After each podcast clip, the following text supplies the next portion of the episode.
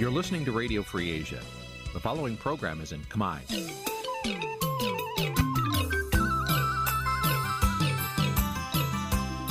Nǐ chi càm bi tiệp xáy vệt chiu a zì sê ray នេះជាកម្មវិធីផ្សាយរបស់ Vithu Azisari ជាភាសាខ្មែរ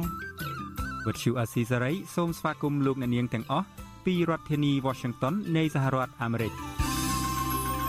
ចាប់ពីរដ្ឋធានី Washington នាងខ្ញុំម៉ៅសុធានីសូមជម្រាបសួរលោកអ្នកស្ដាប់ទាំងអស់ជាទីមេត្រីចាយើងខ្ញុំសូមជូនការផ្សាយសម្រាប់ព្រឹកថ្ងៃប្រហ័ស700ខែមករាឆ្នាំខាលចត្វាស័កពុទ្ធសករាជ2566ហើយដល់ត្រូវនឹងថ្ងៃទី15ខែធ្នូគ្រិស្តសករាជ2022ជាដំបូងនេះសូមអញ្ជើញលោកអ្នកនាងកញ្ញាស្ដាប់ព័ត៌មានប្រចាំថ្ងៃដែលមានមេត្តាដូចតទៅបាត កោនៅអឺរ៉ុបថាលោកហ៊ុនសែនគឺជាអ្នកទទួលខុសត្រូវចំពោះអាញាធរអឺរ៉ុបប៉ះសិនបើពួកគេជួបគ្រោះថ្នាក់សហភាពអឺរ៉ុបបដិញ្ញាផ្ដល់មូលនិធិជាង10000លានដុល្លារសម្រាប់វិនិយោគលើគម្រោងនានានៅក្នុងតំបន់អាស៊ានអង្គការអន្តរជាតិទាមទាររដ្ឋាភិបាលដោះលែងកញ្ញាឈឹមស៊ីធដោយឥតលក្ខខណ្ឌ ប្រជាប្រដ្ឋបារម្ភពីការកើនឡើងយ៉ាងគំហុកនៃការជួញដូរគ្រឿងញៀននៅកម្ពុជារួមនឹងព័ត៌មានសំខាន់ៗមួយចំនួនទៀតចាស់ជាបន្តទៅទៀតនេះនាងខ្ញុំម៉ៃសុធានីសូមជូនព័ត៌មានទាំងនោះពឺស្ដាប់លោកណានៀងជាទីមេត្រីសហភាពអឺរ៉ុបបដិញ្ញាផ្ដល់មូលនិធិជាង10000លានដុល្លារអាមេរិកសម្រាប់វិនិយោគលើគម្រោងនានានៅក្នុងតំបន់អាស៊ាន រហូតដល់ឆ្នាំ2027ខាងមុខដើម្បីបង្កើនកិច្ចសហប្រតិបត្តិការកាន់តែខ្លាំងលើផ្នែកសេដ្ឋកិច្ចពាណិជ្ជកម្មហេដ្ឋារចនាសម្ព័ន្ធនិងធម្មពល ជាមួយប្រទេសក្នុងតំបន់អាស៊ាន ការប្រកាសត្រៀមផ្ដល់មូលនិធិរបស់សហភាពអឺរ៉ុបនេះគឺធ្វើឡើងក្នុងពិធីបើកជាផ្លូវការនៃកិច្ចប្រជុំកំពូលអាស៊ានសហភាពអឺរ៉ុប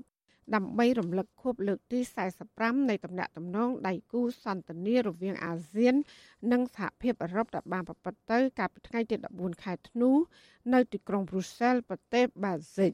ចាពីរដ្ឋធានី Washington លោកមានរិទ្ធមានសេចក្តីរាយការណ៍ព័ត៌មាននេះ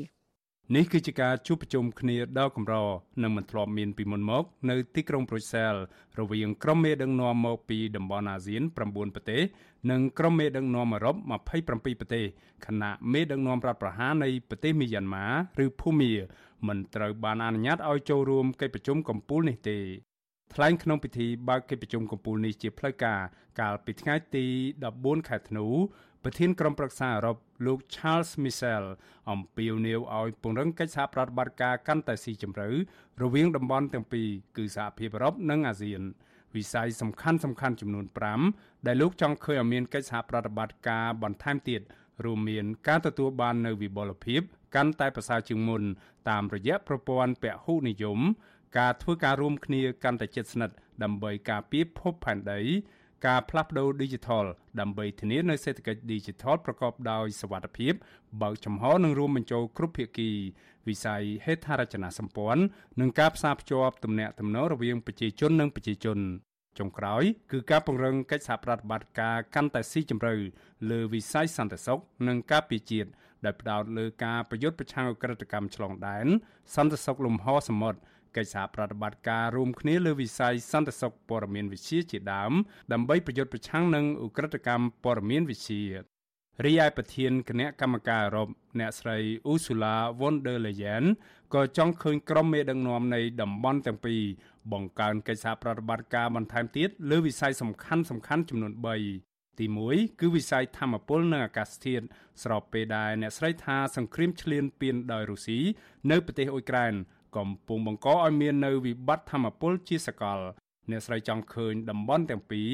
គ្រប់គ្រងគ្នាទៅវិញទៅមក ដើម្បីពន្លឿនការផ្លាស់ប្ដូរចេញពីការប្រើឥន្ធនៈហ្វូស៊ីលទៅជាការប្រើធម្មពលកកើតឡើងវិញវិស័យទី2គឺការពង្រឹងនៅចំណងទំនាក់ទំនងផ្នែកសេដ្ឋកិច្ចនិងពាណិជ្ជកម្មរវាងតំបន់ទាំងពីរអ្នកស្រីគូបញ្ជាក់ថាពាណិជ្ជកម្មគឺជាយានដ៏សំខាន់មួយសម្រាប់ពង្រឹងកិច្ចសហប្រតិបត្តិការបន្ថែមទៀត ជាពិសេសដើម្បីដោះស្រាយការផ្លាស់ប្ដូរទៅរកធម្មពលបៃតង និងសេដ្ឋកិច្ច Digital ដែលមានខ្សែសង្វាក់ពាណិជ្ជកម្មធន់ស៊ាំប្រធានគណៈកម្មការអឺរ៉ុបរូបនេះលើកឡើងថាសហភាពអឺរ៉ុបចង់ឲ្យមានកិច្ចព្រមព្រៀងពាណិជ្ជកម្មសេរីបន្ថែមទៀតជាមួយរដ្ឋសមាជិកនានានៅក្នុងតំបន់អាស៊ានវិស័យចុងក្រោយគឺការវិនិយោគលើហេដ្ឋារចនាសម្ព័ន្ធនិងការផ្សារភ្ជាប់ទំនាក់ទំនងរវាងប្រជាជននិងប្រជាជន អ្នកស្រីបញ្ជាក់ថាជាលទ្ធផលសហភាពអឺរ៉ុបដាក់ចេញនៅយុទ្ធសាស្ត្រច្រកសកល ឬ Global Gateway ដោយត្រៀមផ្ដល់នៅមូលនិធិជាង10000លានដុល្លារសម្រាប់វិនិយោគលើគម្រោងនានានៅក្នុងតំបន់អាស៊ាន ដើម្បីចូលរួមធ្វើឲ្យប្រសើរឡើង លើវិស័យសេដ្ឋកិច្ចធម្មពលស្អាតនិងហេដ្ឋារចនាសម្ព័ន្ធ Digital ជាដើមថ្លែងក្នុងពិធីបើកជាផ្លូវការនៃកិច្ចប្រជុំកំពូលនេះដែរក្នុងនាមជាប្រធានបដូវវេនអាស៊ានជិតផុតអាណត្តិ លោកនាយរដ្ឋមន្ត្រីហ៊ុនសែនអះអាងថាមានតែកិច្ចសន្ទនាទេទើបអាចដោះស្រាយចំនួននានានៅក្នុងតំបន់បានខ្ញុំមិនដែលជឿថាយើងអាចសម្រេចបាននៅសន្តិភាពតាមរយៈការធ្វើសង្គ្រាមឬការគំរាមបង្កសង្គ្រាមនោះឡើយក្នុងន័យនេះខ្ញុំសង្ឃឹមយ៉ាងស្មោះថាយើងគួរតែកំណត់ការដោះស្រាយចំនួនដោយសន្តិវិធីតាមរយៈការសន្ទនានិងការពិគ្រោះយោបល់ជាវិធីសាស្ត្ររួមរបស់យើងលោកហ៊ុនសែនចង់ឃើញអាស៊ាននិងសហភាពអឺរ៉ុប ត្រូវធ្វើការជាមួយគ្នាយ៉ាងស្អិតល្មួតដើម្បីធានានូវសន្តិភាពអន្តរជាតិដោយផ្អែកលើច្បាប់ការចូលរួមពីគ្រប់ភាគីភាពបើកចំហដំណាភាពនិងការផ្ដល់ផលប្រយោជន៍ដល់គ្នាទៅវិញទៅមកដោយគ្រប់តាមធម្មនុញ្ញរបស់អង្គការសហប្រជាជាតិនៅទន្ទឹមពេលនឹងកិច្ចប្រជុំកំពូលអាស៊ានសហភាពអឺរ៉ុបនេះដែរសមាជិកសភាអឺរ៉ុបចំនួន12រូបបានសរសេរលិខិតមួយច្បាប់ផ្ញើទៅប្រធានក្រុមប្រឹក្សាអឺរ៉ុប ប្រធានគណៈកម្មការអឺរ៉ុបនិងតំណាងជាន់ខ្ពស់សហភាពអឺរ៉ុបសម្រាប់កិច្ចការគោលនយោបាយការបរទេសនិងសន្តិសុខដោយលើកឡើងពីកង្វល់របស់ពួកគេជុំវិញស្ថានភាពនយោបាយនៅកម្ពុជា ស្របពេលដែលប្រទេសនេះត្រៀមរៀបចំការបោះឆ្នោតជាតិនៅខែកក្កដាឆ្នាំ2023ខាងមុខ ពួកគេគូបញ្ជាក់ថាការបោះឆ្នោតនាពេលខាងមុខនេះនឹងកំណត់ថាតើកម្ពុជា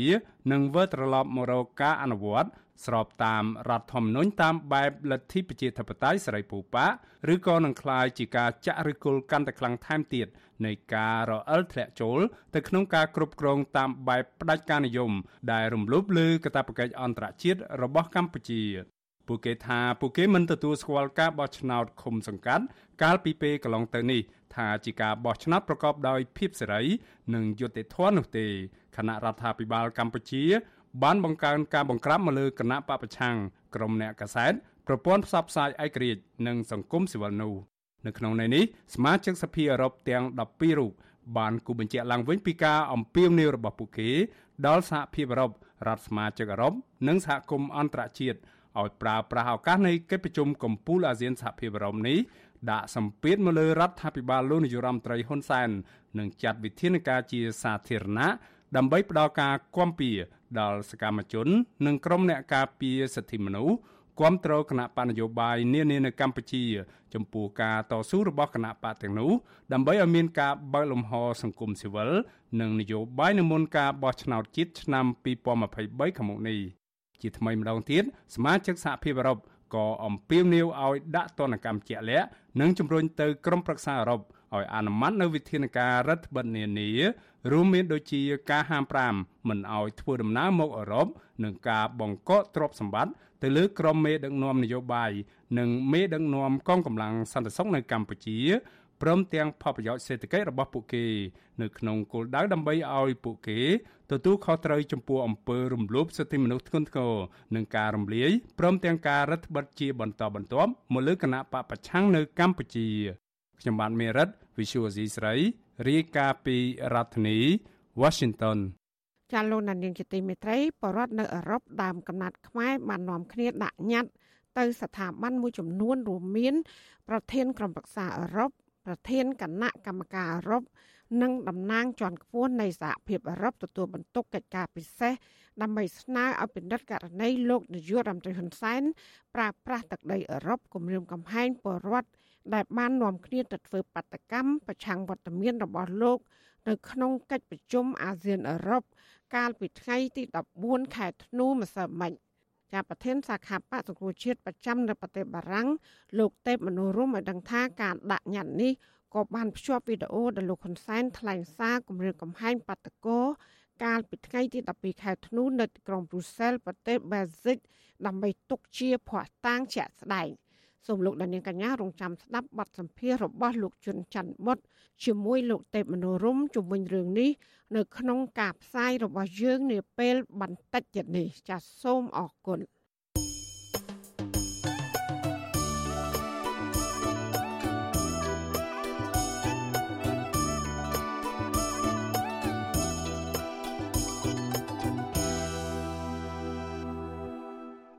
ចាលោកនានីជាទីមេត្រីអង្គការសិទ្ធិមនុស្សអន្តរជាតិបន្តទាមទារឲ្យរដ្ឋាភិបាលកម្ពុជាដោះលែងមេសហជីពនាការវលកញ្ញាឈឹមស៊ីធឲ្យមានត្រីភាពឡើងវិញដោយឥតលក្ខខណ្ឌមន្ត្រីរដ្ឋាភិបាលនៅតែអះអាងថានេះជាករណីផ្លូវច្បាប់ ហើយដែលរដ្ឋាភិបាលមិនអាចលុកដៃបានឡើយចាសសូមស្ដាប់សេចក្តីរាយការណ៍របស់លោកយ៉ងច័ន្ទតារាជំវិញព័ត៌មាននេះអង្គការឃ្លាំមើលសិទ្ធិមនុស្សអន្តរជាតិ Human Rights Watch និងអង្គការលើកលែងទោសអន្តរជាតិ Amnesty International ទាមទារឲ្យរដ្ឋាភិបាលលោកហ៊ុនសែនដោះលែងកញ្ញាឈឹមស៊ីធវិញជាបន្ទាន់និងដោយឥតលក្ខខណ្ឌជាមួយគ្នានេះអង្គការអន្តរជាតិទាំងពីរក៏ទាមទារដល់អាជ្ញាធរកម្ពុជាទម្លាក់ចោលបទចោទប្រកាន់ប្រឆាំងនឹងមេដឹកនាំសហជីពរូបនេះនិងសមាជិកសហជីព Nagawal ដទៃទៀតផងដែរអង្គការសិទ្ធិមនុស្សទាំងពីរលើកឡើងនៅក្នុងសេចក្តីថ្លែងការណ៍រួមគ្នាកាលពីថ្ងៃទី13ខែធ្នូថា កញ្ញាឈឹមស៊ីធត្រូវបានគេចាប់ឃុំខ្លួនដោយសារតែការងារការពារសិទ្ធិកម្មកររបស់នាង ហើយដែលករណីនេះបានរំលោភបំពានទៅលើច្បាប់សិទ្ធិមនុស្សអន្តរជាតិទន្ទឹមគ្នានេះការឃុំខ្លួនមេសហជីពរូបនេះបានធ្វើឲ្យប៉ះពាល់ដល់សិទ្ធិរបស់កម្មករនៅក្នុងការរៀបចំនិងការចរចាជាសមូហភាពថែមទៀតផងអាញាធរកម្ពុជា បានចាប់ខ្លួនកញ្ញាឈឹមស៊ីធកាលពីថ្ងៃទី26វិច្ឆិកា ភ្លាមភ្លាមក្រោយពីនាងវិលត្រឡប់មកពីចូលរួមសមាជរបស់សហភាពសហជីពអន្តរជាតិនៅប្រទេសអូស្ត្រាលីអញ្ញាធរបកស្រាយថាការចាប់ខ្លួននេះគឺដោយសារតែកញ្ញាឈឹមស៊ីធបានចាក់ចេញពីកម្ពុជាដោយគ្មានការអនុញ្ញាតពីចៅក្រមស៊ើបសួរក៏ប៉ុន្តែទាំងមេធាវីនិងកញ្ញាឈឹមស៊ីធផ្ទាល់បានអះអាងថាពួកគេមិនដែលទទួលបានការជូនដំណឹងអំពីបំរាមទៅលើការធ្វើដំណើរឬការរឹតបន្តឹងដទៃទៀតដែលត្រូវបានដាក់ ជាផ្នែកមួយនៃលក្ខខណ្ឌនៅក្រៅឃុំរបស់នាងនោះឡើយម្យ៉ាងវិញទៀតចាប់តាំងពីត្រូវបានដោះលែងឲ្យនៅក្រៅឃុំ កាលពីខែមីនាមកកញ្ញាឈឹមស៊ីធធ្លាប់បានធ្វើដំណើរទៅក្រៅប្រទេសចំនួន2លើករួចមកហើយគឺទៅប្រទេសថៃ កាលពីខែកញ្ញានិងខែតុលាហើយមិនធ្លាប់ជួបប្រទេសបំរាមណាមួយឡើយនៅក្នុងការធ្វើដំណើរទាំងនេះឆ្លើយតបទៅនឹងរឿងនេះអ្នកនាំពាក្យគណៈកម្មាធិការសិទ្ធិមនុស្សរបស់រដ្ឋាភិបាលលោកកតាអូនថ្លែងថា ការលើកឡើងរបស់អង្គការសិទ្ធិមនុស្សអន្តរជាតិអំពីករណីកញ្ញាឈឹមស៊ីធននេះពុំមានមូលដ្ឋានច្បាស់លាស់នោះទេលោកថាករណីនេះគឺជាការអនុវត្តនីតិវិធីរបស់តុលាការហើយរដ្ឋាភិបាលពុំមានសិទ្ធិលូកដៃក្នុងរឿងនេះឡើយតុលាការគឺគេមានឯករាជ្យភាពរបស់គេនៅក្នុងចំណាត់ការនេះចឹងហើយភាគីរបស់កញ្ញាសិនវិធរក៏មានមេធាវីតតាំងទៅតាមនីតិវិធីច្បាប់ដែរវាអត់មានឃើញករណីលំសិទ្ធិនោះណាមួយកើតឡើងទេពីករណីនេះ ផ្ទុយពីការបកស្រាយរបស់មន្ត្រីរដ្ឋាភិបាលនេះអង្គការឃ្លាំមើលសិទ្ធិមនុស្សអន្តរជាតិ Human Rights Watch និងអង្គការលើកលែងទោសអន្តរជាតិ Amnesty International បានគូបញ្ជាក់នៅក្នុងសេចក្តីថ្លែងការណ៍រួមថាអាញាធរកម្ពុជា កំពុងតែប្រើប្រាស់ប្រព័ន្ធតុលាការដោយមិនត្រឹមត្រូវដើម្បីដាក់គោលដៅនិងយាយីទៅលើកញ្ញាឈឹមស៊ីធដោយសារតែការការពារសិទ្ធិការងារ នៅក្នុងនាមជាមេដឹកនាំសហជីពត្រួតត្រងសិទ្ធិការងារបុគ្គលិកកម្មករខ្មែរនៃក្រុមហ៊ុន Casino Naga World ហៅកាត់ថា LRSU អង្គការសិទ្ធិមនុស្សអន្តរជាតិទាំងពីរបានលើកយកទស្សនវិជ្ជាច្បាប់សិទ្ធិមនុស្សអន្តរជាតិមកពន្យល់ថានិយោជិតឬបុគ្គលិកមិនអាចត្រូវបានរើសអើងឬក៏ដាក់ទិសដៅប្រឆាំងនឹងពួកគេឡើយហើយរឹតតែមិនអាចបញ្ឈប់ពួកគេដោយសារតែការចូលរួមនៅក្នុងសកម្មភាពសហជីពនោះដែរ ក្រមច្បាប់សិទ្ធិមនុស្សអន្តរជាតិរដ្ឋាភិបាលកម្ពុជាមិនត្រឹមតែមានកាតព្វកិច្ចគោរពសិទ្ធិកម្មករនោះទេក៏ប៉ុន្តែថែមទាំងត្រូវការពារសិទ្ធិនេះពីការរំលោភបំពានរបស់ថៅកែថែមទៀតផងកាតព្វកិច្ចនេះមានចែងនៅក្នុងកតិកាសញ្ញាអន្តរជាតិស្តីពីសិទ្ធិបរិវត្តនិងសិទ្ធិនយោបាយកតិកាសញ្ញាអន្តរជាតិស្តីពីសិទ្ធិសេដ្ឋកិច្ចសង្គមនិងវប្បធម៌ ព្រមទាំងអនុសញ្ញាលេខ87របស់អង្គការអន្តរជាតិខាងការងារហៅកាត់ថា ILO ដែលការពារដល់សិទ្ធិសេរីភាពខាងសមាគមនិងសិទ្ធិចងក្រងគ្នាជាបណ្ដាញជុំវិញរឿងនេះប្រធានសមាគមការពារសិទ្ធិមនុស្សអាត6លោកនីសុខាថ្លែងថា អង្គការសង្គមស៊ីវិលក្នុងស្រុកក៏ពិនិត្យឃើញភាពអយុត្តិធម៌និងការអនុវត្តច្បាប់មិនត្រឹមត្រូវនៅក្នុងករណីនេះដោយទៅនៅអង្គការសិទ្ធិមនុស្សអន្តរជាតិដែរលោកបន្ថែមថា អញ្ញាធរគួរតែដោះលែងកញ្ញាឈឹមស៊ីធឲ្យមានសេរីភាពវិញនិងទម្លាក់ចោលការចោទប្រកាន់ទាំងឡាយលើកោតក្រ Nagawal ព្រមទាំងជួយដោះស្រាយបញ្ចប់វិវាទការងារនេះស្របទៅតាមច្បាប់ តើមានប្រជាពលរដ្ឋណាមួយដែលគ្រាន់តែប្រើប្រាស់សិទ្ធិសេរីភាពបញ្ចេញមតិដោយសន្តិវិធីទទួលរងនឹងការចាប់ខ្លួននៅក្នុងប្រទេសប្រជាធិបតេយ្យដែលអនុវត្តសេរីភាពគោរពនៅសិទ្ធិមនុស្សហ្នឹងវាអត់មានទេបាទដូច្នេះអានឹងវាផ្ទុយទៅនឹងគោលការណ៍សិទ្ធិមនុស្សផ្ទុយទៅនឹងគោលការណ៍ប្រជាធិបតេយ្យហើយផ្ទុយទៅនឹងស្មារតីនៃរដ្ឋធម្មនុញ្ញប្រទេសកម្ពុជាយើងទៅទៀតនោះបាទតុលាការក្រុងភ្នំពេញបានចោទប្រកាន់កញ្ញាឈឹមស៊ីធពីបទញុះញង់ឲ្យប្រព្រឹត្តបទឧក្រិដ្ឋជាអាត ពាក់ព័ន្ធទៅនឹងអំពើកោតកម្មអហិង្សារបស់ក្រុមកោតក្រ Nagawal អញ្ញាធរបានចាប់មេដឹកនាំសហជីពរូបនេះដាក់ពន្ធនាគារលើកទី1កាលពីខែមករាហើយដោះលែងឲ្យនៅក្រៅឃុំវិញ នៅខែមិនិនាមុននឹងចាប់ខ្លួននាងជាថ្មីម្ដងទៀតនៅថ្ងៃទី26ខែវិច្ឆិកាថ្មីថ្មីនេះអង្គការឃ្លាំមើលសិទ្ធិមនុស្សអន្តរជាតិ Human Rights Watch និងអង្គការលើកលែងទោសអន្តរជាតិ Amnesty International វាតម្លៃបន្ថែមទៀតថា ក្រៅពីជាករណីរំលោភសិទ្ធិការងារហើយនោះ ការចាប់ខ្លួនកញ្ញាឈឹមស៊ីធននេះក៏បានឆ្លុះបញ្ចាំងពីគំរូនៃការរើសអើង និងការសងសឹកមានចរិតនយោបាយប្រឆាំងទៅនឹងមេដឹកនាំសហជីពទាំងឡាយណាដែលព្យាយាមជំរុញឲ្យរដ្ឋាភិបាលនិងក្រុមហ៊ុនឯកជនទទួលខុសត្រូវចំពោះភាពបរាជ័យនៃការគោរពសិទ្ធិកម្មករផងដែរអង្គការសិទ្ធិមនុស្សអន្តរជាតិទាំងពីរនេះជំរុញឲ្យរដ្ឋាភិបាលលោកហ៊ុនសែនធ្វើឲ្យច្បាប់និងបទបញ្ញត្តិទាំងឡាយរបស់កម្ពុជា អនុលោមពេញលេញទៅតាមច្បាប់សិទ្ធិមនុស្សអន្តរជាតិដែលកម្ពុជាបានផ្ដល់សច្ចាប័នដើម្បីធានាការពារនៅសិទ្ធិសេរីភាពខាងសមាគមព្រមទាំងការចងក្រង និងការចរចាជាសមូហភាព នៅទូទាំងប្រទេសខ្ញុំយ៉ងច័ន្ទដារាវិទ្យុអាស៊ីសេរីរាយការណ៍ពីរដ្ឋធានី Washington thank you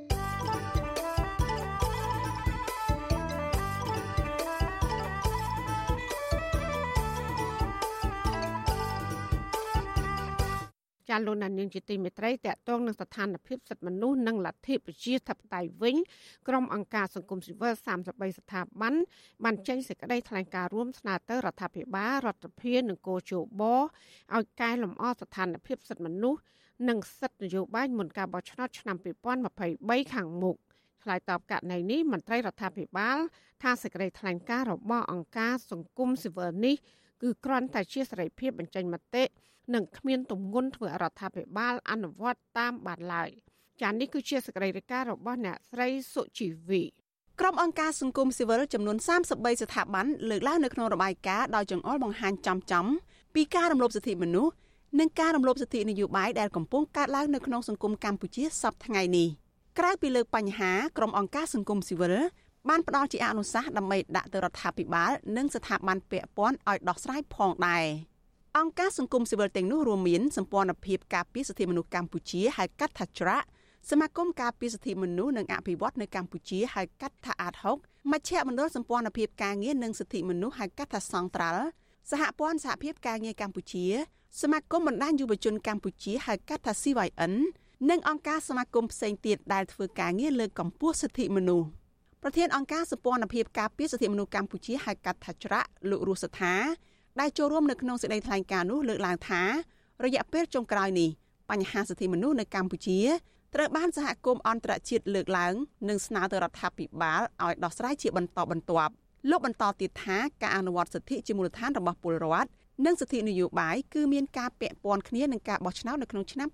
2023ខាងមុខលោករំលឹកទៅរដ្ឋាភិបាលថាការបដូរមេដឹកនាំតាមរយៈការបោះឆ្នោតនៅក្នុងសង្គមប្រជាធិបតេយ្យគឺពលរដ្ឋជាអ្នកកំណត់ជោគវាសនានៃប្រទេស ដូច្នេះទាមទារឲ្យពលរដ្ឋអាចអនុវត្តសិទ្ធិរបស់ខ្លួនបានដោយពេញលេញនិងគ្មានការភ័យខ្លាចលោករស់សុថាបន្តទៀតថាចំពោះសិទ្ធិនយោបាយក៏ទាមទារឲ្យមានការការពារដោយយន្តការច្បាប់ដែរដើម្បីធានាថាក្រោយការបោះឆ្នោតអ្នកតំណាងពលរដ្ឋដែលពលរដ្ឋបានបោះឆ្នោតឲ្យនោះគឺពួកគេមានលទ្ធភាពគ្រប់គ្រាន់ដើម្បីបំពេញការងារបម្រើពលរដ្ឋ យើងបាននិយាយថ្លែងអំពីស្ថានភាពសិទ្ធិនយោបាយនិងសិទ្ធិជាមូលដ្ឋានផងហើយយើងបានប្រោះជាអនុសាសន៍ផងយើងមិនមែនគ្រាន់តែចង្អុលការខ្វះខាតហើយរបៀបបោះស្រាយដែលយើងជូនគាត់នឹងជាអនុសាសន៍ហ្នឹងជាលក្ខណៈយុទ្ធសាស្ត្រផងហើយហើយសំខាន់សំខាន់ធ្វើប្រមាណចំណុចដែលយើងស្នើឡើងទៅគឺនឹងមានផលចាស់វិជ្ជាវិជ្ជមានច្រើនដូចគ្នានេះដែរអ្នកនាំពាក្យសមាគមការពារសិទ្ធិមនុស្សអាត6លោកសឹងសានករណាលើកឡើងដែរថាអ្វីដែលលើកឡើងនៅក្នុងរបាយការណ៍នេះ គឺជាទស្សនវិជ្ជាពិតដែលកើតឡើងជាក់ស្ដែងពាក់ព័ន្ធនឹងការរំលោភសិទ្ធិពលរដ្ឋសកម្មជនសិទ្ធិការងារនិងសកម្មជននយោបាយលោកបន្តទៀតថាពេញមួយឆ្នាំមកនេះរដ្ឋាភិបាលមិនទាន់បានកែលម្អបញ្ហាទាំងអស់នេះទេប៉ុន្តែរដ្ឋាភិបាលបានធ្វើឲ្យវិស័យសិទ្ធិមនុស្សធ្លាក់ចុះគួរឲ្យព្រួយបារម្ភលោកសឹងសែនករណាបន្តទៀតថាប្រសិនបើបញ្ហាសិទ្ធិមនុស្សសិទ្ធិនយោបាយមិនត្រូវបានរដ្ឋាភិបាលកែលម្អទេនោះ ការបោះឆ្នោតនៅក្នុងឆ្នាំ2023នឹងមិនអាចធ្វើឡើងដោយសេរីត្រឹមត្រូវនិងយុត្តិធម៌បានឡើយ។ មិនទាន់ឃើញមានភាពល្អប្រសើរទេ ទាំងអ្នកជាប់ឃុំក៏នៅតែកំពុងជាប់ឃុំជាប់ចោតក៏នៅតែជាប់ចោតហើយមិនត្រឹមតែមិនគិតគូររកដំណោះស្រាយដោះលែងឬក៏ទម្លាក់បទចោតទេយើងឃើញថាមានការចាប់ខ្លួនជាបន្តបន្ទាប់ហើយចោតប្រកាន់ជាបន្តបន្ទាប់ហើយធ្វើឲ្យស្ថានភាពសិទ្ធិមនុស្សស្ថានភាពធ្លាក់ចុះនៃប្រជាធិបតេយ្យនៅក្នុងប្រទេសកម្ពុជានឹងគឺកាន់តែមានសភាពធ្ងន់ធ្ងរទៅដដែលអញ្ចឹងវាអត់មានអីភាពប្រសើរអញ្ចឹង របាយការណ៍របស់ក្រុមអង្គការសង្គមស៊ីវិលដែលមានកម្រាស់4ទំព័របានពណ៌នានាថាពួកគេព្រួយបារម្ភពីការធ្លាក់ចុះនៃដំណើរការប្រជាធិបតេយ្យនិងការរឹតបន្តឹងសិទ្ធិមនុស្សជាពិសេសសិទ្ធិនយោបាយនិងសិទ្ធិមូលដ្ឋានរបស់ពលរដ្ឋសេចក្តីថ្លែងការណ៍ចុះថ្ងៃទី14ខែធ្នូលើកឡើងទៀតថាបរិយាកាសនយោបាយសពថ្ងៃមិនបានជំរុញឬក៏លើកទឹកចិត្តឲ្យពលរដ្ឋអាចចូលរួមនៅក្នុងជីវភាពនយោបាយសេដ្ឋកិច្ចសង្គមគិច្ចនិងវប្បធម៌ ដោយគ្មានការភ័យខ្លាចនោះបានទេចំណែកអ្នកតំណាងពលរដ្ឋដែលត្រូវបានជ្រើសរើសតាមរយៈការបោះឆ្នោតមិនទទួលបានការគ្រប់គ្រងដើម្បីអាចឲ្យពួកគេមានលទ្ធភាពប្រើប្រាស់អំណាចរបស់ខ្លួនឲ្យស្របតាមរដ្ឋធម្មនុញ្ញនិងច្បាប់ផ្សេងទៀតនោះដែរក្រុមអង្គការសង្គមស៊ីវិលលើកឡើងទៀតថាកងកម្លាំងប្រដាប់អាវុធនិងមន្ត្រីតុលាការដែលជាមន្ត្រីរបស់គណៈបកនយោបាយពួកគេបានបំពេញមុខងារឬតួនាទីនៅក្នុងស្ថាប័នរដ្ឋ ដោយបំពានច្បាប់ស្តីពីសហលក្ខន្តិកៈមន្ត្រីរាជការស៊ីវិល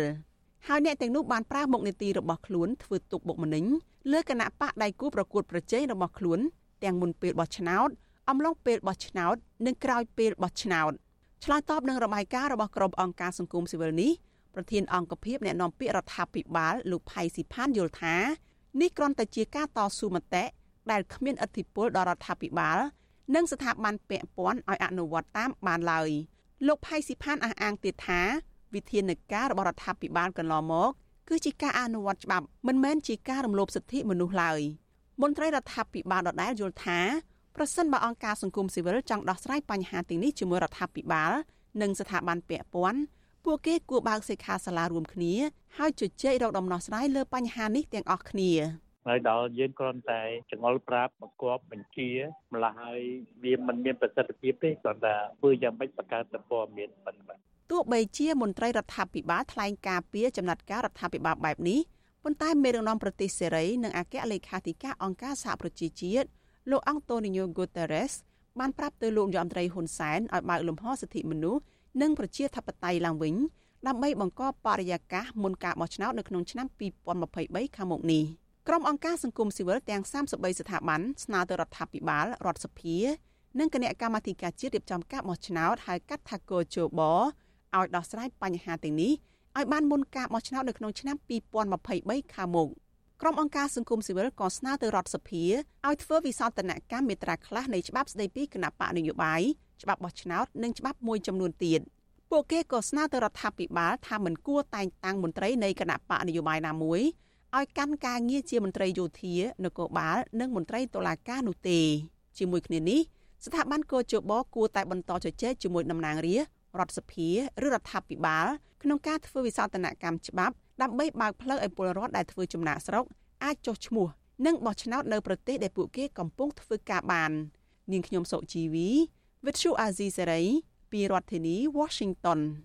ចាលោកនាងកញ្ញាកំពុងស្ដាប់ការផ្សាយរបស់វិទ្យុអាស៊ីសេរីផ្សាយចេញពីរដ្ឋធានី Washington នៅឯខេត្តបាត់ដំបងឯនោះវិញប្រជាពលរដ្ឋរស់នៅតាមបណ្ដោយទំនប់អាងភៀសនៅក្នុងស្រុកឯកភ្នំ បាននាំគ្នាប្រកបរបររកខ្យងស្ងោរលក់ដើម្បីរកប្រាក់ចំណូលផ្គត់ផ្គង់ជីវភាពប្រចាំថ្ងៃអ្នកភូមិជ្រើសរើសមុខរបរនេះដោយសារពួកគាត់គ្មានដីដាំដុះរកប្រាក់ចំណូលដូចជាប្រជាប្រដ្ឋដទៃ ចាសសេចក្តីរាយការណ៍ពីស្ដាមពីរឿងនេះលោកណានៀងក៏នឹងបានស្ដាប់នាពេលបន្តិចទៀតនេះចាលោកនាងកញ្ញាកំពុងស្ដាប់ការផ្សាយរបស់វិទ្យុអសីសេរីផ្សាយចេញពីរដ្ឋធានី Washington ជាដំណើរគ្នានឹងស្ដាប់ការផ្សាយរបស់វិទ្យុអសីសេរីតាមបណ្ដាញសង្គម Facebook និង YouTube លោកនាងកញ្ញាក៏អាចស្ដាប់ការផ្សាយរបស់វិទ្យុអសីសេរីតាមរយៈរលកធាតុអាកាសខ្លីឬ Short Wave តាមកម្រិតនិងកម្ពស់ដូចតទៅចាប់ពេលព្រឹកចាប់ពីម៉ោង5កន្លះដល់ម៉ោង6កន្លះតាមរយៈប៉ុស SW 9.39 MHz ស្មើនឹងកម្ពស់32ម៉ែត្រ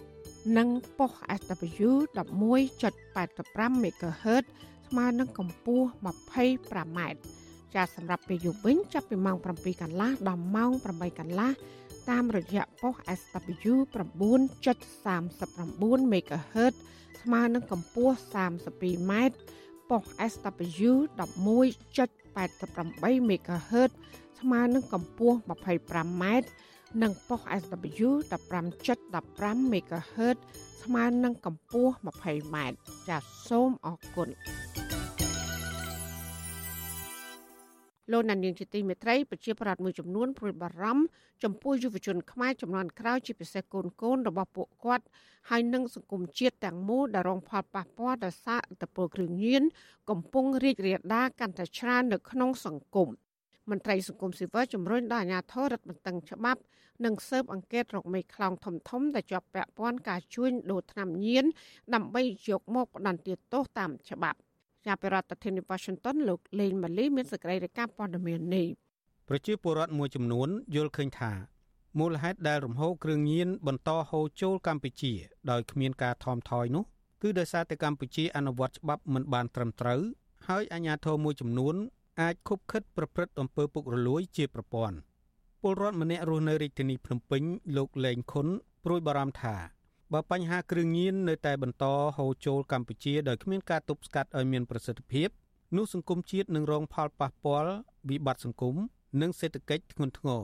ជាពិសេសពលរដ្ឋខ្មែរដែលនៅតាមទីជនបទមួយចំនួន ដែលពុំយល់ដឹងគ្រប់គ្រាន់នោះពួកគាត់នឹងងាយរងគ្រោះដោយសារតែការប្រើប្រាស់គ្រឿងញៀននោះលោករិះគន់ថាក្រោមការដឹកនាំដោយរដ្ឋាភិបាលឯកបកអ ுக ្រិតកម្មគ្រឿងញៀននេះនឹងមិនមានការដោះស្រាយឲ្យមានប្រសិទ្ធភាព ឬលុបបំបាត់ឲ្យសាបរលាបនោះទេត្បិតលោកថាកម្ពុជា មានអំពើនីតិរដ្ឋភាពនិងមានអំពើពុករលួយ។ យើងជាពលរដ្ឋធម្មតាអញ្ចឹងអត់មានអំណាចទេអត់មានធ្វើអីកើតទាំងអស់យើងបានតែការពារខ្លួនយើងឲ្យកូនចៅយើងហ្នឹងធ្វើម៉េចកុំឲ្យវាប៉ះពាល់ដល់គ្រឿងញៀនហ្នឹងណាហើយយើងពលរដ្ឋយើងជាទ្រាំតាមហ្នឹងទៅធ្វើម៉េចតកវាអញ្ចឹងអញ្ចឹងបានខ្ញុំសុំឲ្យធ្វើម៉េចក៏ខ្មែរយើងឲ្យមានគ្រប់តាមច្បាប់ទៅឲ្យមាននីតិរដ្ឋទៅបាត់អស់ហើយរឿងគ្រឿងញៀនហ្នឹងមកពីវាអត់មាននីតិរដ្ឋអត់មានគ្រប់ច្បាប់ចំណែកពលរដ្ឋម្នាក់ទៀតរស់នៅខេត្តតកែវឯនោះវិញលោកសេនពិសិដ្ឋយល់ថា បញ្ហានៃអក្រិតកម្មគ្រឿងញៀននេះគឺជាដំបៅសង្គមធ្ងន់ធ្ងរដែលបានបង្កឲ្យមានអំពើហិង្សាក្នុងគ្រួសារចោរកម្មក្នុងសង្គមនិងគំរាមកំហែងស្មារតីយុវជនខ្មែរចំនួនក្រោយលោកថាប្រសិនបើកម្ពុជាចង់ដោះស្រាយបញ្ហាគ្រឿងញៀនឲ្យមានប្រសិទ្ធភាពពិតមែននោះគឺអាស្រ័យលើអ្នកនយោបាយដែលកំពុងមានអំណាចគ្រប់គ្រងប្រទេសនិងចាប់ផ្ដើមបោះសម្អាតមន្ត្រីពុករលួយមួយចំនួនព្រមទាំងបង្កើនការអនុវត្តច្បាប់ឲ្យបានខ្លាំងក្លាលើជនល្មើសណា ដែលជាប់ពាក់ព័ន្ធនឹងបញ្ហាគ្រឿងញៀននេះឆានឆាន់សាររបស់រដ្ឋាភិបាលធ្វើធ្វើទេហើយយើងឃើញកន្លែងមួយចំនួននៅទៅហូរចុះគឺដោយសារតែមានការខុបខិតជាប្រព័ន្ធអញ្ចឹងណាអានេះជារឿងសំខាន់មួយហើយក៏ដឹងអំពីប្រព័ន្ធច្បាប់យើងនៅខ្សោយអញ្ចឹងដើម្បីឲ្យល្អប្រសើរភូមិភូមិជាតិរដ្ឋាភិបាលគួរតែពិចារណាក្នុងការយកច្បាប់អនុវត្តត្រីដែលធ្វើការអសកម្មមន្ត្រីជាបពពួកនិយមគ្រួសារនិយមគួរតែក្រឹតគូឡើងវិញដើម្បីឲ្យសេដ្ឋកិច្ចយើងល្អប្រសើរឲ្យមានបញ្ហាចោរកម្មក្នុងសង្គម ក្តីបារម្ភរបស់ពលរដ្ឋនេះធ្វើឡើងក្រោយពីរំហូរគ្រឿងញៀននៅកម្ពុជាកំពុងកើនឡើងយ៉ាងផលផុសជាពិសេសថ្មីថ្មីនេះអាជ្ញាធរខេត្តព្រះសីហនុបានរកឃើញឃ្លាំងមានផ្ទុកគ្រឿងញៀនប្រភេទកេតាមីនជិត1តោនគិតមកដល់ពាក់កណ្ដាលខែធ្នូឆ្នាំ2022នេះអាជ្ញាធរជាតិប្រឆាំងគ្រឿងញៀនអះអាងថាសមត្ថកិច្ចរឹបអូសបានគ្រឿងញៀនជាង5តោន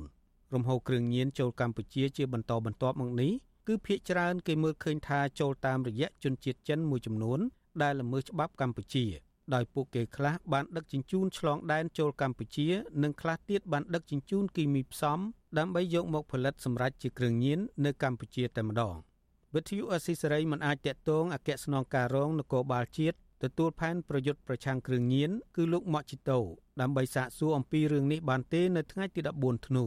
ទោះជាយ៉ាងណាក្តីលោកម៉ាក់ជីតូធ្លាប់ប្រាប់វិទ្យុអស៊ីសេរីថាបញ្ហាគ្រឿងញៀននេះគឺទាមទារឲ្យភាគីពាក់ព័ន្ធក្នុងនោះរួមទាំងប្រទេសជាមិត្តអង្គការដៃគូជំនាញនិងប្រជាពលរដ្ឋផងរួមគ្នាសហការជាមួយសមត្ថកិច្ចកម្ពុជាដើម្បីបង្ក្រាបនិងទប់ស្កាត់បញ្ហាគ្រឿងញៀននេះឲ្យមានប្រសិទ្ធភាពជុំវិញរឿងនេះដែរប្រធានមជ្ឈមណ្ឌលប្រជាពលរដ្ឋដើម្បីអភិវឌ្ឍនិងសន្តិភាពលោកយងកំឯងមានប្រសាសន៍ថា ប្រសិនបើរដ្ឋាភិបាលបរាជ័យក្នុងការលុបបំបាត់បញ្ហាគ្រឿងញៀននោះវាបង្កគ្រោះថ្នាក់ដល់សង្គមជាតិក្នុងវិស័យសេដ្ឋកិច្ចជាពិសេសយុវជនចំនួនក្រោយ។ រដ្ឋាភិបាលត្រូវតែប្រឹងប្រែងបន្ថែមទៀតត្រួតពិនិត្យទប់ស្កាត់គ្រឿងញៀននេះកុំឲ្យវាហូរចូលទៅក្នុងសហគមន៍ដែលជាការបង្កផលប៉ះពាល់ទៅដល់យុវជនក៏ដូចជាសន្តិសុខរបស់សហគមន៍ហើយនឹងធ្វើឲ្យមានការភ័យខ្លាចជារួមនៅក្នុងសហគមន៍ការដែលធ្វើទៅបានគឺត្រូវតែមានកិច្ចសហការខ្ពស់រវាងមន្ត្រីអាជ្ញាធរជាមួយនឹងប្រជាពលរដ្ឋហ៊ានរាយការណ៍ហ៊ានផ្ដល់ព័ត៌មានពីបញ្ហាគ្រឿងញៀនទៅយើងអាចសម្រេចគោលដៅនៃការប្រយុទ្ធឆាំងមួយគ្រឿងញៀននឹងបានបាទកាលពីចុងខែមិថុនាអាញាធរជាតិប្រយុទ្ធប្រឆាំងគ្រឿងញៀនបានដុតបំផ្លាញសារធាតុញៀននិងសារធាតុគីមីសរុបជាង6តោនក្នុងចំណោមវត្ថុតាងគ្រឿងញៀនសារធាតុគីមីផ្សំនិងសារធាតុគីមីពាក់ព័ន្ធផ្សេងៗដែលរឹបអូសបានជិត100តោនអាញាធរឲ្យដឹងទៀតថាក្នុងឆ្នាំ2020និងឆ្នាំ2021ដែលមានការរីករាលដាលជំងឺ Covid-19 សមត្ថកិច្ចបង្ក្រាបនិងរឹបអូសបានគ្រឿងញៀនជិត10តោននិងឃាត់ខ្លួនជនសង្ស័យបានជាង30000នាក់ក្នុងនោះសមត្ថកិច្ចបង្ក្រាបបទល្មើសគ្រឿងញៀនបានចំនួនជាង10000ករណីក្នុងឆ្នាំ2020និងជាង6000ករណីទៀតនៅក្នុងឆ្នាំ2021ទាក់ទងនឹងបញ្ហាគ្រឿងញៀននេះដែរអង្គការសហប្រជាជាតិទទួលបន្ទុកគ្រឿងញៀននិងអក្រិតកម្មនៅទីក្រុងវីយ៉ែនប្រទេសអូទ្រីសកាលពីខែសីហាឆ្នាំ2022 បានចេញផ្សាយរបាយការណ៍មួយរកឃើញថាការរឹបអូសថ្នាំញៀនកេតាមីនបានកើនឡើងយ៉ាងខ្លាំងនៅក្នុងប្រទេសកម្ពុជា គឺពី112គីឡូក្រាមកន្លះក្នុងឆ្នាំ2020ឡើងជិតដល់3តោនក្នុងឆ្នាំ2021ចំនួននេះគឺស្មើនឹងជាង50%នៃថ្នាំកេតាមីនគេរឹបអូសបានសរុបក្នុងតំបន់អាស៊ីអាគ្នេយ៍ទាំងអស់ដែលមានចំនួនជាង5តោនក្នុងឆ្នាំ2021នោះ ជាមួយគ្នានេះរបាយការណ៍សមាគមសង្គ្រោះជនរងគ្រោះដោយគ្រឿងញៀននៅកម្ពុជាហៅកាត់ថាដារៈឲ្យដឹងថាគិតត្រឹមខែកក្កដាឆ្នាំ2022សមាគមនេះមានជនរងគ្រោះកំពុងបន្សាបគ្រឿងញៀនជិត14000នាក់ក្នុងនោះមានស្ត្រីចំនួន980នាក់អ្នកកំពុងបន្សាបគ្រឿងញៀនភ ieck ច្រើន គឺជាយុវជនដែលមានអាយុចន្លោះពី14ទៅ30ឆ្នាំហេតុដែលនាំឲ្យពួកគាត់ផុងខ្លួនប្រើគ្រឿងញៀនកន្លងមកនេះ ភ ieck ច្រើនពួកគាត់ជួបវិបត្តិស្នេហា រងសម្ពាធផ្លូវចិត្តក្នុងគ្រួសារនិងដោយសារការបញ្ចុះបញ្ចូលពីសំណាក់មិត្តភ័ក្តិជាដើមខ្ញុំបាទលេងម៉ាលីវិទ្យុអស៊ីសេរីពីរដ្ឋធានី Washington ចាលោកដានៀងជាទីមេត្រីនៅឯខេត្តបន្ទាយមានជ័យប្រជាប្រដ្ឋរិគុណអាញាធរថាដោះដូរដីរដ្ឋជាបន្តបន្ទាប់ដោយសារដីទាំងនោះនៅទីប្រជុំជនឡើងថ្លៃខ្ពស់មន្ត្រីសង្គមស៊ីវិលជំរុញរដ្ឋាភិបាលទប់ស្កាត់ ការដោះដូរដីរដ្ឋរបស់អាជ្ញាធរថ្នាក់ក្រោមជាតិហើយនឹងពង្រឹងច្បាប់ដើម្បីធានាកុំឲ្យបាត់បង់ផលប្រយោជន៍សាធារណៈចាអ្នកស្រីស្ងួនអមរារាយការណ៍ព័ត៌មាននេះប្រជាពលរដ្ឋនៅក្រុងប៉ោយប៉ែតខេត្តបន្ទាយមានជ័យ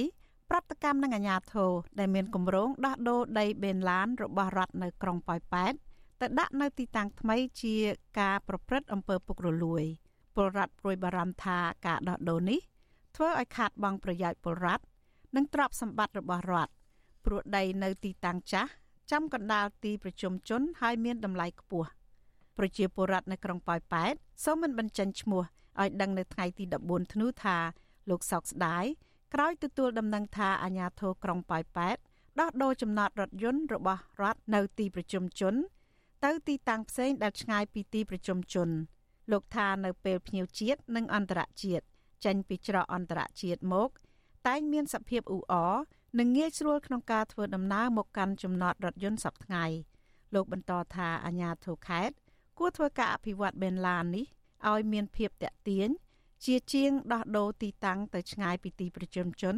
ដែលធ្វើឲ្យពលរដ្ឋនិងភ្ញៀវទេសចរត្រូវចំណាយប្រាក់ច្រើនធ្វើដំណើរទៅកាន់ចំណតរថយន្ត រដ្ឋមិនគួរណាទៅដោះដូរតែអញ្ចឹងយកទៅដាក់ឯណានៃនោះក្នុងព្រៃក្នុងបបណានោះយើងវាឆ្ងាយត្រូវការធ្វើមកសួរបាយធ្វើដំណើរនឹងអស់លុយទៀតមកទៅដល់បេឡានជិះទៅស្រុកជិះម៉ូតូដុបឬក៏ចូលកង់3ផាសស្អាប់អីផ្សេងផ្សេងស្រដៀងគ្នានេះដែរប្រជាពលរដ្ឋម្នាក់ទៀតនៅក្រុងប៉ោយប៉ែតសូមមិនបញ្ចេញឈ្មោះថ្លែងថា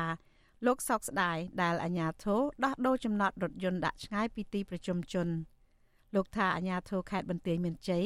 មិនដាល់យកចិត្តទុកដាក់ក្នុងការអភិវឌ្ឍ និងការលម្អចំណតឲ្យមានសោភ័ណភាពអ្វីនោះទេ ហើយបែរជាដោះដូរជាមួយឯកជនទៅវិញ លោកបន្ថែមថាកន្លងមកចំណតរថយន្តនេះគឺត្រូវបានក្រុមហ៊ុនដេញថ្លៃពីរដ្ឋក្នុងការទទួលសិទ្ធិគ្រប់គ្រង និងប្រកបអាជីវកម្មលោកអំពីវនីរដ្ឋាភិបាល និងស្ថាប័នពាក់ព័ន្ធគួរថែរក្សា និងរៀបចំគ្រប់គ្រងចំណតរថយន្តឡើងវិញព្រោះសប្តាហ៍ថ្ងៃពលរដ្ឋប្រកបរបរតាក់ស៊ីចតនៅតាមផ្លូវយ៉ាងអនាធិបតេយ្យ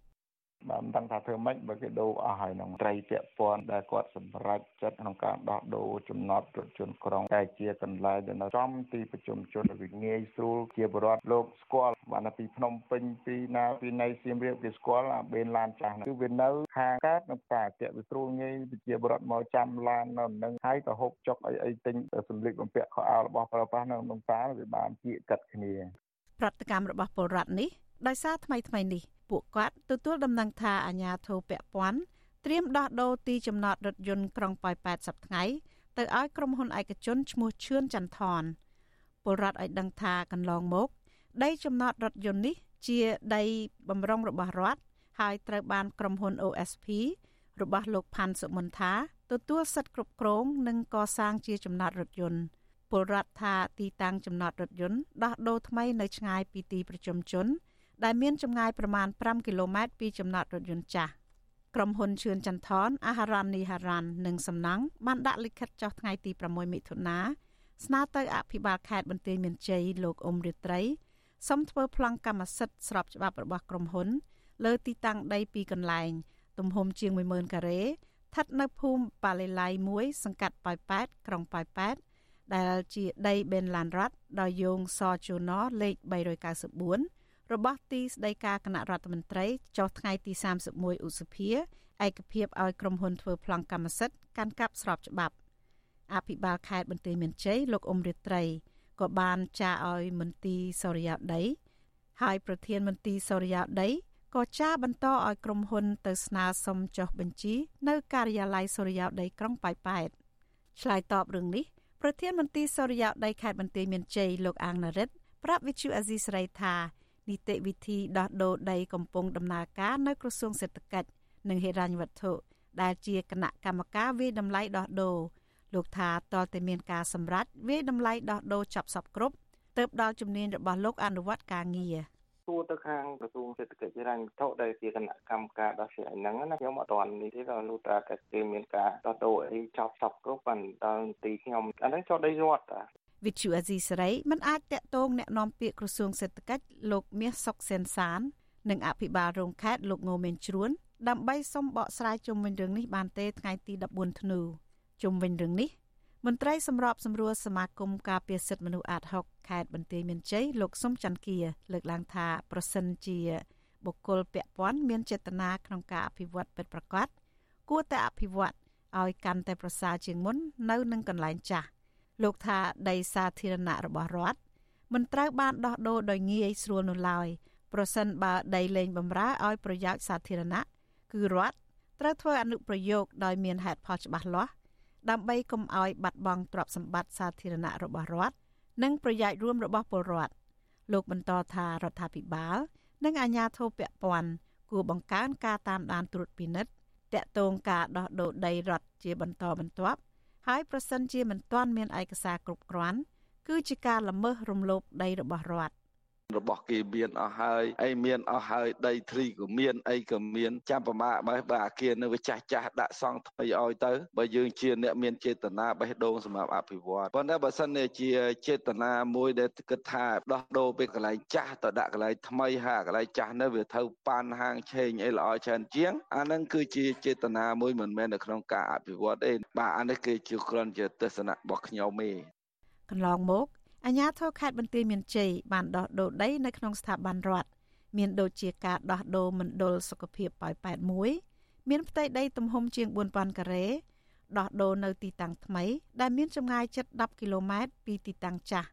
ដោយដោះដូរពន្ធនាគារពីតំបន់ទីប្រជុំជន ទៅទីទំនាបដាច់ស្រយាលត្រូវទឹកចំនួនលិចញឹកញាប់និងដីស្នងការនគរបាលខេត្តចាស់ប្រែក្លាយទៅជារបស់ឯកជន ដោយការធ្វើផ្សារនិងផ្ទះល្វែងហើយអាគារស្នងការថ្មី នៅចម្ងាយប្រមាណ3គីឡូម៉ែត្រពីទីតាំងចាស់ការដោះដូរទាំងនេះអាជ្ញាធរសិតតែមិនបានផ្សព្វផ្សាយជាសាធារណៈឲ្យដឹងអំពីតម្លៃពិតប្រាកដយ៉ាងណាឡើយនាងខ្ញុំស្ងួនអមរា Vithu Azisaray ពីរដ្ឋធានី Washington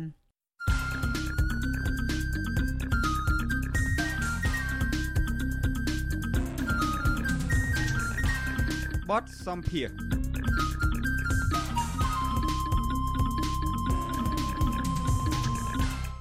លោកណានៀងជាទីមេត្រីបរដ្ឋនៅអឺរ៉ុបដើមកំណើតខ្មែរបាននាំគ្នាដាក់ញត្តិទៅស្ថាប័នមួយចំនួនរួមមាន ប្រធានក្រុមប្រឹក្សាអឺរ៉ុបប្រធានគណៈកម្មការអឺរ៉ុបនិងតំណាងជាន់ខ្ពស់នៃសហភាពអឺរ៉ុបទទួលបន្ទុកកិច្ចការពិសេស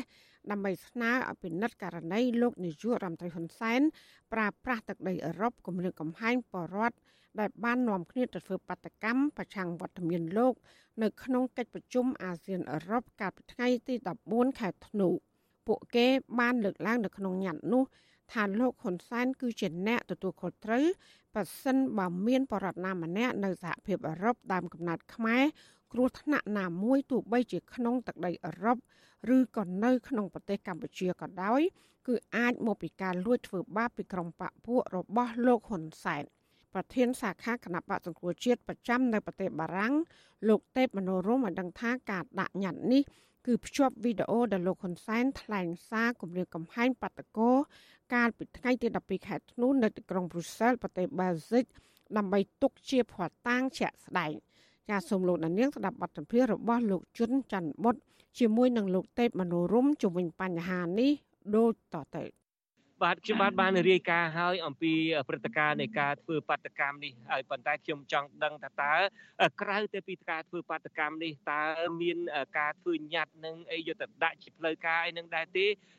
ដល់សមាជិកសភាឬមួយក៏មន្ត្រីជាន់ខ្ពស់នៃសហភាពអឺរ៉ុបនេះបាទ បាទក្រៅពីការធ្វើបាតកម្មនៅមុខកុម្មុយនីអឺរ៉ុបនេះយើងព្រឹកមិញគឺម៉ោង12យើងបានទៅជួបជាមួយនឹងជាវិស្ថាប័នមួយគេហៅថា AAS មានន័យថា European External Action Service និងស្ថាប័ននេះគឺជាស្ថាប័នមួយដែលធ្វើការសម្រេចចិត្តទាំងឡាយតាក់ទងទៅនឹងការអនុគ្រោះពន្ធឬក៏ដកឬក៏ដាក់អនុគ្រោះពន្ធ នៅក្នុងប្រទេសកម្ពុជាសៀកវីនេះគឺគេធ្វើការសម្រាប់តែក្នុងប្រទេសខ្មែរនិងថៃអញ្ចឹងយើងបានយកញត្តិនេះទៅប្រគល់ជូនស្ថាប័ននេះហើយហើយការទៀមទារបស់យើងក៏មិនខុសពីរដងដែរទៀមទាឲ្យមានបើកលំហនៅលទ្ធិប្រជាធិបតេយ្យគោរពសិទ្ធិមនុស្សជាពិសេសគោរពសិទ្ធិលក្ខខណ្ឌការងារដែលពលករកម្មករដែលនៅក្នុងប្រទេសកម្ពុជាដែល រាល់ថ្ងៃនេះគាត់កំពុងតែទៀមទាឲ្យត្រូវបានរបស់លោកហ៊ុនសែនចាប់ដាក់ពន្ធនាគារយើងទាមទារឲ្យដោះលែងប្រធានសហជីពលោកស្រីយឹមស៊ីធោយើងទាមទារឲ្យដោះលែងសកម្មជននយោបាយហើយនិងសកម្មជនបរិស្ថានផ្សេងទៀតដែលជាប់នៅក្នុងពន្ធនាគារផងនាគារផងដែរបាទអឺ សំឡេងអាចរំខានបន្តិចលោកនាងកញ្ញាពីព្រោះថាក្រមបាតកោនឹងកំពុងតែស្រែកតាមឧគ្គសនៈស័ព្ទហើយដូចខ្ញុំបាទបានរាយការណ៍ពីមុនមកអំពីការធ្វើបាតកម្មនេះពួកគាត់នឹងមានគ្នាប្រមាណជាជាង100ឬអាចដល់200នាក់នឹងមកពីប្រទេសនានានៅក្នុងទ្វីបអឺរ៉ុបនឹងមានប្រទេសបែលហ្សិកខ្លួនឯងមានប្រទេសបារាំងមានអាល្លឺម៉ង់មានស្វីសអីជាដើមនឹងនាំគ្នាមកធ្វើបាតកម្មតវ៉ានៅពេលដែលលោកនាយករដ្ឋមន្ត្រីហ៊ុនសែនក្នុងនាមជាប្រធានអាស៊ានបដូវេនឹងកំពុងតែធ្វើសហប្រធាននៃកិច្ចប្រជុំកំពូលរវាងអាស៊ានហើយនិងសហភាពអឺរ៉ុបហើយសារដែលពួកគាត់ចង់ឲ្យពិភពលោកបានលឺនឹងគឺថាសុំឲ្យលោកនាយករដ្ឋមន្ត្រីហ៊ុនសែននឹងដោះលែងសកម្មជននយោបាយដែលកំពុងជាប់ពន្ធនាគារសុំឲ្យប្រទេសកម្ពុជានឹងប្រកាន់នីតិរដ្ឋសុំឲ្យមានការគោរពសិទ្ធិមនុស្សនៅប្រទេសកម្ពុជាឯនឹងជាដើម ត្រង់ចំណុចនេះខ្ញុំចង់សួរទៅទេពមនោរមបន្តិចអំពីរឿងការដែលលោកនាយករដ្ឋមន្ត្រីហ៊ុនសែននឹងបានគម្រាមកំហែងថានឹងថតរូបបាតកោនឹងយកទៅបិទនៅពលានយន្តហោះហើយនឹងតាមដានធ្វើទុកបុកម្នេញរបស់គ្រួសារគេនៅប្រទេសកម្ពុជានឹងទៅវិញនឹងតើ លឺសារនឹងហើយខ្ញុំជឿថាមនុស្សរុំបានដឹងសារនឹងលឺសារនឹងហើយនឹងតើទេមនុស្សរុំអាចនឹងមានការភ័យបារម្ភទេឬមួយក៏មានវិធានការបែបណាដែរដើម្បីការពារសវត្ថភាពដល់បាតកោដែលមនុស្សរុំជាអ្នកដឹកនាំនេះបាទបាទជាដំបូងពេលដែលយើងឮសូសាររបស់នាយករដ្ឋមន្ត្រីបែបនេះគឺយើងមានការហួសចិត្ត គួរចាត់ត្រង់ថាលោកហ៊ុនសែនគាត់មកជន់ដីលទ្ធិប្រជាធិបតេយ្យហើយគាត់មកគម្រាមប្រជាពលរដ្ឋអឺរ៉ុបដែលជាដើមកំណើតខ្មែរមែនប៉ុន្តែអ្នកដែលធ្វើបាតកម្មនេះសិតតែមានមានចូលសញ្ជាតិជាអឺរ៉ុបអញ្ចឹងដែលគាត់ហ៊ានមកគម្រាមគេដល់ផ្ទះនឹងគឺជាអង្គើមួយដែលនៅក្នុងនាមជាអ្នកប្រជាធិបតេយ្យហើយនៅក្នុងនាមជាអ្នកនៅក្នុងប្រទេសអឺរ៉ុបមិនអាចទទួលយកបានទេ នឹងចំណុចទី1ចំណុចទី2នៅពេលដែលបានយើងបានលើសូសាររបស់នាយកនាយករដ្ឋមន្ត្រីរួចហើយយើងបានទៅប្តឹងនៅប៉ូលីសឲ្យមកការពារក្រុមបាតកោរបស់យើងយើងឃើញប៉ូលីសទៅជុំវិញហ្នឹងគឺការពារក្រុមបាតកោរបស់យើងទី1ទី2យើងបានសរសេរលិខិតហើយនឹងដាក់ជាប់ទៅជាមួយនឹងវីដេអូនេះយើងផ្ញើទៅប្រធានរបស់របស់អឺរ៉ុបលោកសាមីសែល ហើយនឹងប្រធានកុំមីសិយអឺរ៉ុបគឺលោកស្រីអេកស៊ីឡាវ៉ាន់វ៉ាន់ដេយ៉ិនអាហ្នឹងក៏យើងដាក់សរសេរជាលិខិតជំរាបលោកស្រីបានដឹងថាក្រុមបាតកោយើងដែលកំពុងធ្វើបាតកម្មនេះគឺយើងបានរងនៅការគម្រាមកំហែងពីលោកហ៊ុនសែនហើយមានទាំងផោះតាំងទាំងវីដេអូឲ្យទៅគាត់ប្រសិនបើមានគ្រោះថ្នាក់ណាមួយនឹងមានបប្រតិវត្តហេតុកើតណាមួយដែលកើតមាននៅក្នុងប្រទេស អឺរ៉ុបនេះក្តីនៅក្នុងប្រទេសកម្ពុជាក្តីគឺលោកហ៊ុនសែនអ្នកទទួលខុសត្រូវពួកគាត់បានគម្រាមយ៉ាងជាក់ស្ដែងលិខិតទាំងនេះយើងបានបកគលជូនទៅពួកគាត់រួចឲ្យហើយរួចគាត់បានជ្រាបអំពីអ្វីដែលយើងបានរាយការណ៍ទៅគាត់ហើយម៉ោង1យើងក៏មានជំនួបមួយទៀតទៅជំនួបជាមួយនឹងលោកស្រីប្រធានរបស់កុំមីសិយអឺរ៉ុបគឺលោកស្រីយូស៊ីឡាវណ្ណយិននឹងដែរអញ្ចឹងញត្តិដែលយើងបានធ្វើនៅក្នុងការទៀមទានេះ មុននឹងអឺរ៉ុបនឹងសម្រេចចិត្តអ្វីមួយគេបានយកញត្តិនេះទៅដាក់នៅក្នុងសភាដើម្បីឲ្យសមាជិកសភាទាំងអស់ដែលមុននឹងបោះឆ្នោតសម្រេចថានឹងសហការជាមួយប្រទេសតំបន់ប្រទេសអាស៊ាននៅក្នុងវិស័យពាណិជ្ជកម្មអីហ្នឹងគឺត្រូវយកសិទ្ធិលទ្ធិប្រជាធិបតេយ្យនិងសិទ្ធិមនុស្សយកមកដាក់ជាចំណងយកដាក់ជាលក្ខខណ្ឌដើម្បីឲ្យប្រទេសកម្ពុជានិងប្រទេសអាស៊ាននឹងគោរព ទៅលើលទ្ធិប្រជាធិបតេយ្យហើយនិងសិទ្ធិមនុស្សទើបទទួលបាននៅការសហការឬមួយក៏កិច្ចព្រមព្រៀងណាមួយតាក់ទងជាមួយនឹងពាណិជ្ជកម្មបាទបាទអឺលោកមនោរមអាចគិតថាការដែលធ្វើបាតកម្មថ្ងៃនេះបើគិតចំនួនទៅប្រៀបធៀបទៅនឹងក្រមមនុស្សដែលលោកនាយករដ្ឋមន្ត្រីហ៊ុនសែនកែនមកសម្ដែងការគ្រប់គ្រងនឹងគឺថាឃើញតែតិចជាងឆ្ងាយណាស់ តើមនុស្សរុំគិតថាអាចមានលទ្ធផលអីបានប៉ុណ្ណាដែរចំពោះបើគិតតែត្រឹមចំនួនមនុស្សនៅវិញតើសម្លេង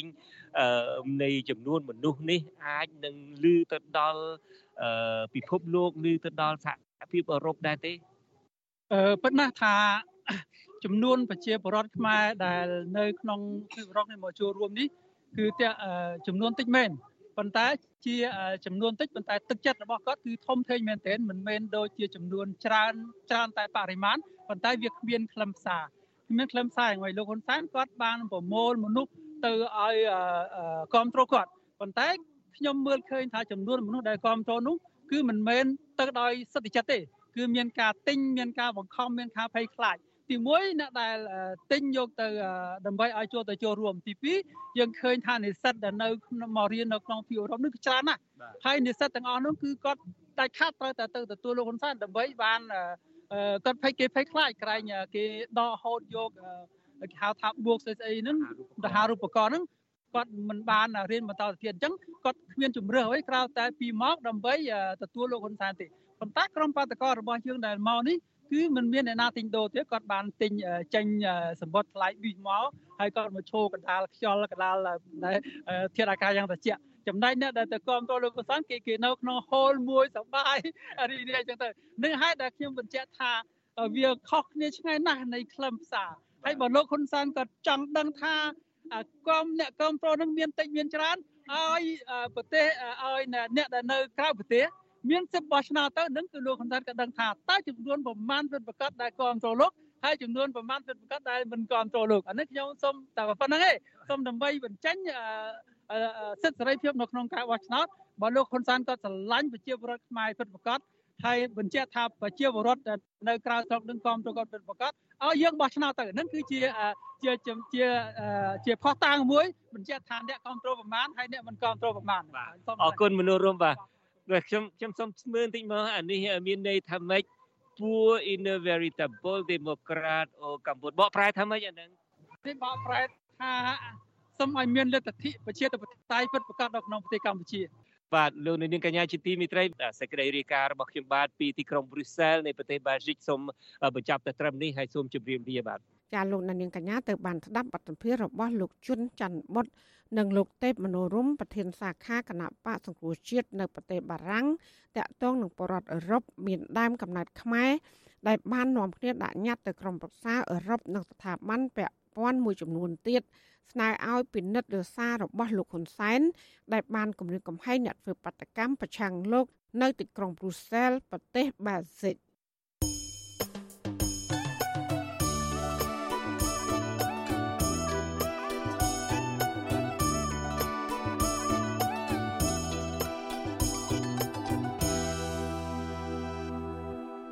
លោកណានីជាទីមេត្រីនៅឯខេត្តបាត់ដំបងឯនោះវិញ ប្រជាពលរដ្ឋរស់នៅតាមបណ្ដោយទំនប់អាងភៀសនៅក្នុងស្រុកឯភ្នំ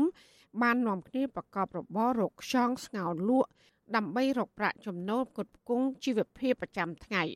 អ្នកភូមិជ្រើសរើសរបរនេះដោយសារតែពួកគាត់គ្មានដីដាំដុះរកប្រាក់ចំណូលដូចជាអ្នកដទៃចាសសូមស្ដាប់សេចក្តីកាពុស្ដារបស់លោកសេកបណ្ឌិតជុំវិញព័ត៌មាននេះដូចតទៅ របររកខ្យង ជាមុខរបរពេញនិយមមួយ របស់ប្រជាពលរដ្ឋដែលរស់នៅលើខ្នងទំនប់អាងភៀក្នុងឃុំពីមឯកស្រុកឯកភ្នំ ដែលមានចម្ងាយជាង30គីឡូម៉ែត្រពីក្រុងបាត់ដំបងនៅតាមមុខផ្ទះនីមួយៗរបស់ប្រជាពលរដ្ឋនៅតំបន់នោះពោពេញទៅដោយសម្បកខ្យងគោដូចភ្នំ ដែលអ្នកភូមិបានឆ្កឹះយកសាច់ចេញលក់ទៅឲ្យឈ្មួញពលរដ្ឋរស់នៅតំបន់ទំនប់អាងភៀក្នុងភូមិគោកដូងឃុំពីមឯក លោកស្រីសានីរៀបរាប់ប្រាប់បទសុអសីស្រីឲ្យដឹងថាលោកស្រីប្រកបមុខរបរនេះអស់រយៈពេលជាង20ឆ្នាំមកហើយទោះជាមុខរបរនេះមិនអាចរកប្រាក់ចំណូលបានច្រើនក្តីតែលោកស្រីឲ្យដឹងថាវាអាចជួយសម្រាលថ្លៃម្ហូបអាហារបានបន្តិចបន្តួចសម្រាប់គ្រួសារលោកស្រីដែលមានកូននិងចៅសរុបទាំងអស់13នាក់លោកស្រីបន្តថាក្នុងមួយថ្ងៃលោកស្រីអាចរកខ្យងបានប្រមាណពី40ទៅ50គីឡូក្រាមទាំងសម្បក ប៉ុន្តែលោកស្រីថា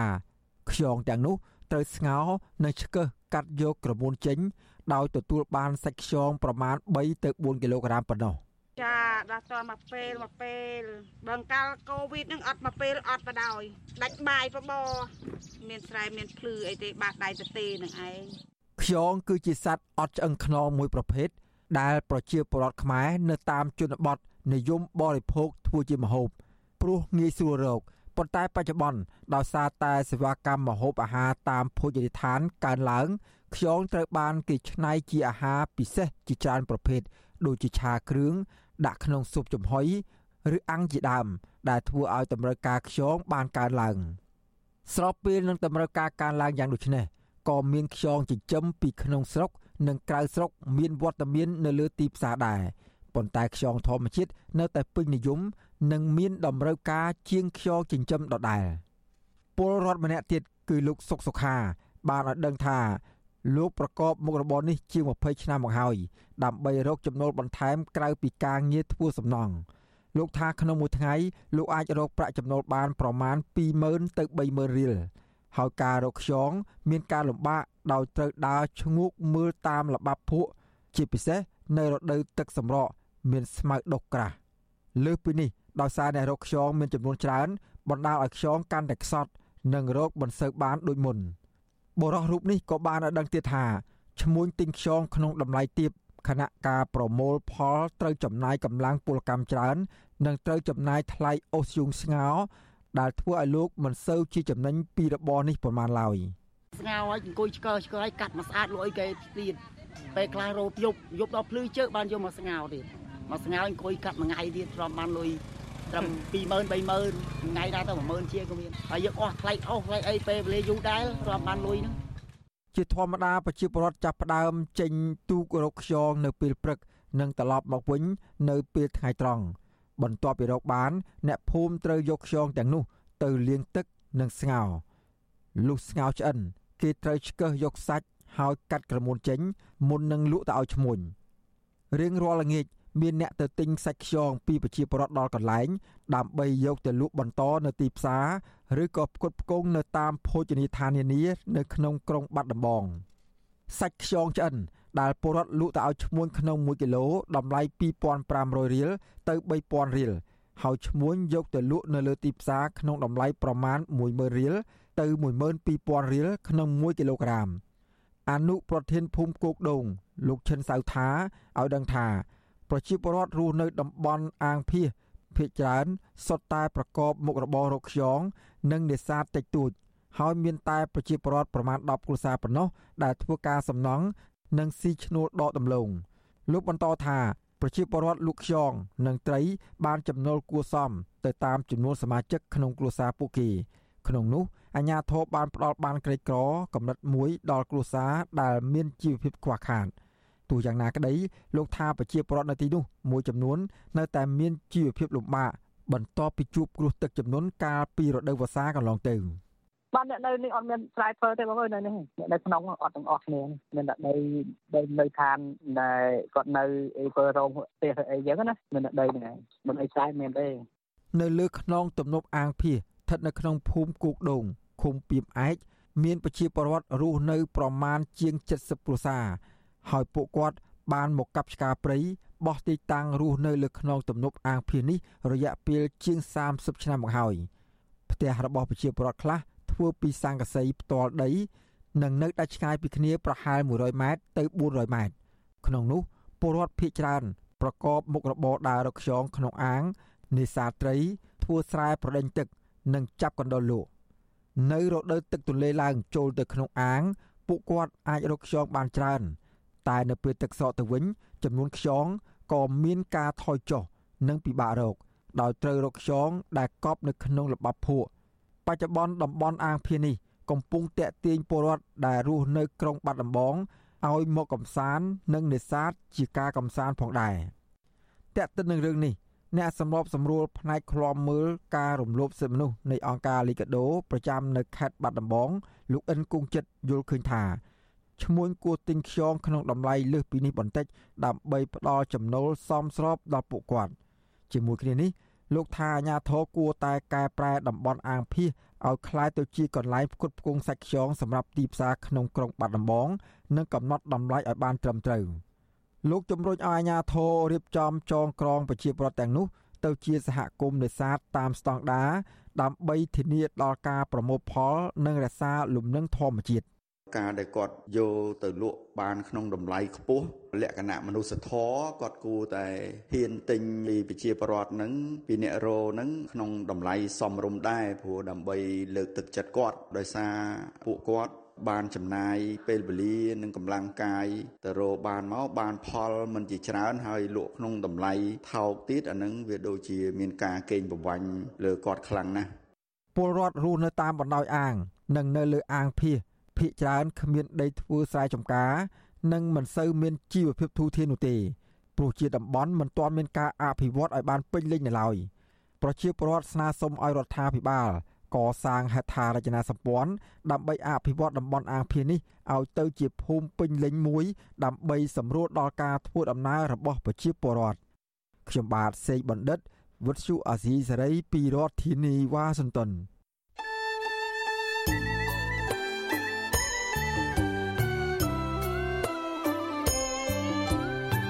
ចាលោកនាងកញ្ញាអ្នកស្ដាប់យុតិមេត្រីកັບផ្សាយរយៈពេល1ម៉ោងនៃវិទ្យុអាស៊ីស្រីជាភាសាខ្មែរនៅពេលនេះចាប់តែប៉ុណ្ណេះចាយើងខ្ញុំទាំងអស់គ្នាសូមជូនពរលោកលានាងព្រមទាំងក្រុមគូសាទាំងអស់សូមជួបប្រកបតែនឹងសេចក្តីសុខសេចក្តីចម្រើន ជានិរន្តរ៍ចានាងខ្ញុំម៉ៃសុធានីព្រមទាំងក្រុមការងារទាំងអស់នៃវិទ្យុអសីស្រីសូមអរគុណនិងសូមជម្រាបលា